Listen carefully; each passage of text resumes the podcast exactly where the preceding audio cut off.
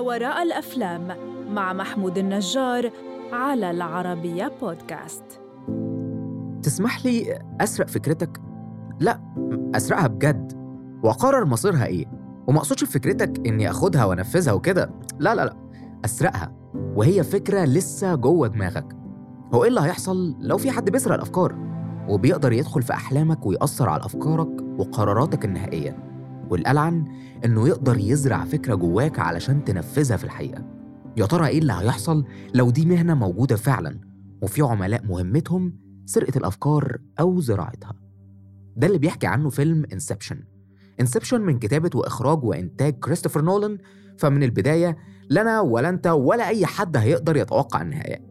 ولو توقعت النهاية فخليني أقول لك إن فيلم Inception من الأفلام اللي نهايتها مفتوحة. يعني هتوصل لنهاية الفيلم ومش هتبقى عارف مصير الأبطال. طب اللي مروا بيه حقيقي ولا حلم؟ فأهلا بيك في حلقة جديدة من بودكاست ما وراء الأفلام والنهاردة هنحكي عن ما وراء الأحلام والأفكار وسرقتها. ليوناردو دي كابريو في دور كوب وكوب مخترق للأفكار في المستقبل وشغال مرتزق بيتجسس على أحلام الأثرياء علشان يسرق منها معلومات حساسة جدا تساعد كوب في النهاية يوصل لهدف العملاء اللي بيشتغل لحسابهم. وعلشان يعمل ده بيحتاج لعوامل مساعدة.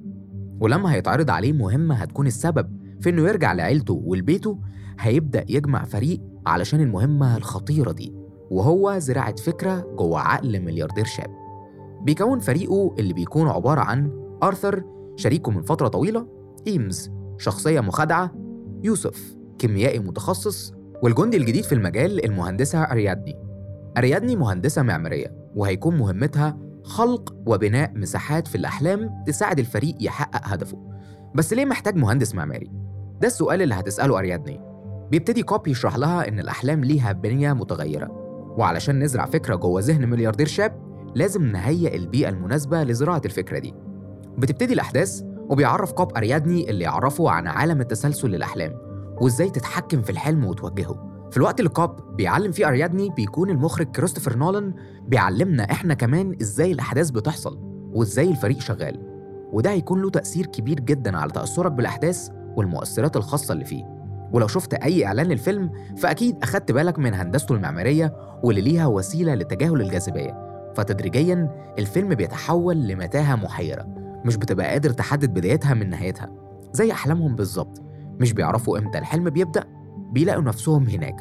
نولان بيعرض لنا خيط عاطفي وبيبدأ يورينا السبب وراء تحفيز كوب للمخاطرة وانضمامه لمهمة زي دي وهو الحزن والشعور بالذنب ناحية زوجته مال وأطفاله الاتنين. في مواقف كتير هتقف عندها زي جملة إيمز اللي قالها لآرثر You must not be afraid to dream a little bigger darling. ما تخافش إنك تحلم يا عزيزي. وقد إيه يبان موضوع هزلي إنه يقول كده في موقف زي ده بس علاقة آرثر وإيمز تسمح له بده. مهمتهم سوا مع باقي الفريق ما كانتش سهلة أبدا لأن على رأي كوب Once an idea has been taken hold of the brain, it is almost impossible to eradicate. بمجرد ما فكرة تستحوذ على دماغك بيكون شبه مستحيل تقضي عليها فما بالك بإنك بتزرع أصلا فكرة من الأول وبتحاول تخلي صاحبها يؤمن بيها ويتعامل معاها إنها حقيقية وياخد بناء عليها قرارات مهمة ومصيرية هتغير مسار حياته بس هل فعلا إحنا بنستخدم جزء بسيط من دماغنا؟ يعني كوب بيقول They say we only use a fraction of our brain's true potential. وبناء على كلامه فإحنا نقدر ناخد قرارات مصيرية سواء كنا صاحيين أو نايمين. وفي الحالتين هنكون بنستخدم جزء ضئيل جدا من إمكانيات دماغنا. دي مش أول مرة نناقش الفكرة دي. فاكرين فيلم Limitless لما اتكلمنا فيه عن إيه اللي هيحصل لو الإنسان قدر يستخدم 100% من قدرة دماغه. ارجع للحلقة علشان تستمتع بالإجابة عن السؤال ده. فيلم Inception بيناقش الموضوع من منظور مختلف. منظور الاحتمالات اللامحدودة لعالم الأحلام. عالم الأحلام مختلف تماما عن الواقع. على رأي كوب Dreams feel real while we are in them. It is only when we wake up that we realize something was actually strange. الأحلام تبدو حقيقية وإحنا فيها. فقط عندما نستيقظ ندرك أن شيئا ما كان غريبا في الواقع. ده أكتر حاجة مؤثرة في الفيلم كله لأن كوب بيقدم عرض لنقطة مهمة عن سيكولوجية الأحلام. أنت بتبقى نايم بتحلم. جوه الحلم بالنسبة لك كل حاجة ممكنة ومسموح بيها وحقيقية في وقتها. بتدرك إمتى إن ده حلم؟ لما تفوق. بما إن ده رابع فيلم نتكلم عنه ومن إخراج كريستوفر نولان فخلينا نحكي أكتر عن أسلوب نولان وإيه المشترك بينه وما بين أغلب أفلامه. رقم واحد موسيقى هانس زيمر أساسية. نولان بيعتمد على المزيكا علشان يخلي فيها أحداث ويأثر فيك بالصورة اللي بتكون شايفها سواء كان في حوار أو لأ. هو هيقدر يحكي لك كمان بالمزيكا. واختيار هانس زيمر اختيار عبقري. اتنين التصوير السينمائي لوالي فيستر. استغل نولان المصور السينمائي والي فيستر لتصوير فيلم Inception وده ما كانش أول تعاون بينهم. اشتغلوا قبل كده سوا على Memento و The Dark Knight وفاز بجائزة الأوسكار عن عمله في فيلم Inception. واللي فيستر عمله إنه قدر يديك صورة تثبت في عقلك وتقدر تميزها في أي وقت وتفتكرها فمش غريب فوزه بالأوسكار. رقم ثلاثة الزوجة متوفية.